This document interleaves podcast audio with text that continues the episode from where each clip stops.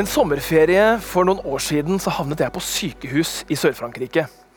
På formiddagen følte jeg meg opptåket og fikk symptomer som nummenhet i leppene og i høyre arm. Og Jeg tenkte først at dette var helt ufarlig, men vi dro til nærmeste sykehus for å være på den sikre siden. Og På sykehuset så tok de ingen sjanser. Så fort jeg ankom, så la de meg på en seng. De kjørte meg inn på et overvåkingsrom og koblet ledninger til hode og bryst. Og Langt over midnatt så sendte legen Mariann og barna hjem med ordene 'He's had a headstroke'. For å ikke gjøre historien mer dramatisk enn nødvendig, så fant de dagen etter ut at det heldigvis ikke var hjerneslag, men kraftig migrene. Men den natta, i uvisshet om utfallet, så rakk jeg å tenke over livet. Tenke over hva jeg hadde gjort, og hva jeg hadde forsømt. Hva jeg skulle gjort mindre av, og hva jeg skulle gjort mer av. Og Basert på den hendelsen så tok jeg noen nye valg for livet den natta på sykehuset. Valg som etterpå har justert retningen for livet mitt på flere områder. Jeg unner ingen en tur på sykehus, skumle symptomer eller livskriser. Men det er ikke tvil om at sånne situasjoner tvinger oss til å revurdere livet iblant. Hva vi har gjort, hva vi har forsømt. Og ofte så kan det komme noe godt ut av det. Og for mange, meg inkludert, så har nok denne koronatiden også vært nettopp en sånn periode. For deg som har fulgt gudstjenestene de siste ukene, så vet du kanskje at vi er inne i en serie om gaver. Som kristne har vi både naturlige gaver, altså medfødte evner og talenter. Men vi har også gitt overnaturlige gaver, såkalte nådegaver, som er gitt oss av Gud som en hjelp i det kristne livet og til å utføre Guds oppdrag i verden. For to uker siden snakket Egil Svartdal om at vi har ulike gaver. Forrige uke stilte Andreas Hegertun spørsmålet 'Hva er min gave?' Og I dag skal vi snakke om hvordan vi forvalter vår gave. Og For best mulig helhet i tematikken så anbefaler jeg deg å gå tilbake og også høre de tidligere talene, enten på YouTube, Facebook eller på podkast. Noen av dere som ser på, vil antagelig være veldig klar over deres gaver. Du har kanskje alltid visst hva som har vært din gave og ditt unike bidrag i verden. Du har kanskje brukt mye tid og ressurser på å finne og utvikle din gave. Andre er muligens mindre klar over sin gave og føler seg kanskje mindreverdige eller ubrukelige fordi gavene ikke er så framtredende eller imponerende som alle andres.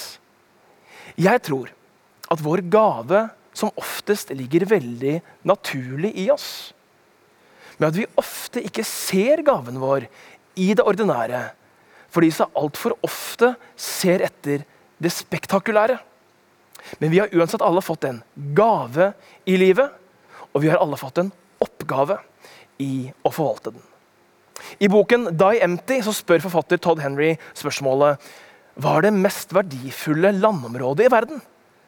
Hva ville du svart på det? Kanskje Tjuvholmen? Det er ganske verdifullt. Eller diamantgruvene i Sentral-Afrika? Eller kanskje oljefeltene i Nordsjøen? Det mest verdifulle landområdet i verden, svarer Henry, er kirkegården. Så skriver han på kirkegården ligger det begravet uskrevne noveller. Urealiserte forretningsideer, uforlikte vennskap og alt det andre som mennesker tenkte de skulle gjøre i morgen. Men plutselig en dag tok morgendagene slutt. Den australske sykepleieren Bronnie Ware har fulgt utallige mennesker i livets siste fase. Det ble til en bok om hva døende mennesker angrer mest på. Selv om mange skulle ønske de hadde hatt mer kontakt med venner og familie, jobbet mindre, så var det én ting som flest angret på. At de ikke hadde hatt mot til å leve tro mot seg selv, men i stedet hadde levd det livet andre forventet at de skulle leve. Så når livet snur eller går mot en slutt, så vil de fleste av oss stille oss spørsmålet hvordan forvaltet vi livet vårt, relasjonene og gavene våre. Det er kanskje dette Jesus tenkte på da han sa at vi ikke skal samle skatter på jorden, hvor møll og mark ødelegger, og hvor tyver bryter inn og stjeler. Men dere skal samle skatter i himmelen, sier Jesus, der verken møll eller mark ødelegger, og tyver ikke bryter inn og stjeler. Selv om livet på jorden dør, så er det noe som er evig.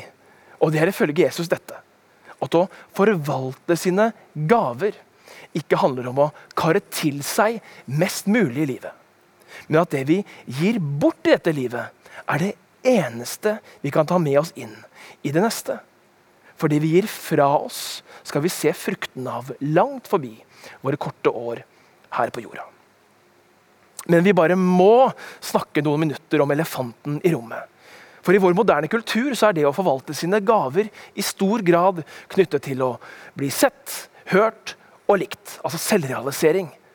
Og selv om vi skal være fremodige med gavene våre fordi de er gitt oss av Gud, så er vi ikke satt på denne jorda først og fremst for å vise hva vi kan. Nei, vi har et mye viktigere oppdrag, nemlig å vise hva Gud kan.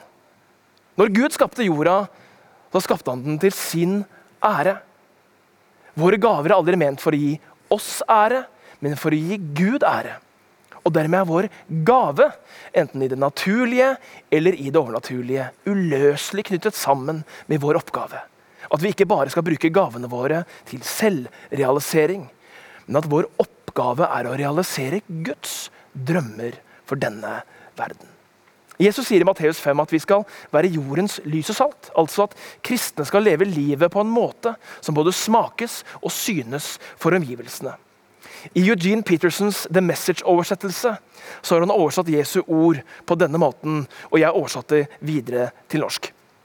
La meg fortelle deg hvorfor du er her. Du er her for å være salt, som skal vekke smaken av Gud på jorda. Hvis du mister din saltsmak, hvordan kan mennesker da smake det guddommelige? Når vi forvalter våre gaver godt, gir vi mennesker en smak av det guddommelige. Og tenk om det nettopp er deg og din gave som får fram den smaken hos dem du har rundt deg. Noe vi også hørte Martin fortelle om tidligere i denne gudstjenesten. Jesus gjorde sitt første under i et bryllup. Han og disiplene var invitert som gjester, og ettersom festen pågikk, så gikk de tomme for vin. Dette var selvfølgelig en pinlig situasjon for vertskapet, og Jesu mor, som også var til stede, kom til Jesus for å be ham om å fikse problemet. Og Så står det i Johannes 2, 6-10. Det sto seks vannkar av stein der, slike som brukes i jødenes renselsesskikker. Hvert av dem rommet to eller tre anker. Fyll karene med vann, sa Jesus til tjenerne. De fylte dem til randen. Det er altså med dette mirakelet Jesus introduseres for verden. Og jeg tenkte at det kanskje var litt stusslig. Altså, man skulle jo tenkt at han heller burde begynt med å gå på vannet eller å utføre en skikkelig helbredelse. Noe som virkelig viste hans makt som undergjører. Men nei ikke Jesus. Jesus han fikset drikkevarer til en fest. I det minste så burde vi jo kunne forvente at Jesus skapte vin ut av ingenting. At det sa poff, og så bare sto vinen der. Men nei, ikke det heller. Jesus gjorde ikke vin ut av ingenting, men han gjorde vann til vin. Og hva forteller det oss om å forvalte våre gaver? Jo, han benyttet seg av en ressurs de allerede hadde tilgang på. Vann er livsnødvendig, men også en av de mest vanlige ressursene vi har. Det er fargeløst, det er smakløst og er veldig ordinært. Men hør hva som skjer videre i historien. Jesus sier, 'Øs nå opp og bær det til kjøkkenmesteren'. Det gjorde de. Kjøkkenmesteren smakte på vannet. Det var blitt til vin. Han visste ikke hvor den var kommet fra, men tjenerne som hadde øst opp vannet, visste det. Da ropte han på brudgommen og sa, 'Alle andre setter først fram den gode vinen.' 'Og når gjestene blir beruset, kommer de med den dårlige.' 'Men du har spart den gode vinen til nå.' Spørsmålet er, når skjedde mirakelet? Når ble vannet til vin? Var det da de øste opp vannet? Var det da de bar det til kjøkkenmesteren? Eller var det da kjøkkenmesteren smakte på det? Det vi vet er dette at da kjøkkenmesteren smakte på vannet, hadde det blitt til vin. Altså hadde han ikke smakt på vinen, så kunne det fortsatt vært vann for ham. Poenget er dette. Hva om det du har i ditt liv, ikke er vann, som du tror? Hva om det er vin? Og hva om du ikke vet at det er vin, bare fordi du ikke har smakt på det? Jeg er redd mange av oss ikke forvalter våre gaver fordi vi går rundt og føler oss altfor ordinære, underlegne eller lite utrustet, mens vi i virkeligheten bærer et mirakel på innsiden av oss. Alt Jesus berører, blir noe ekstraordinært, og han har berørt våre liv.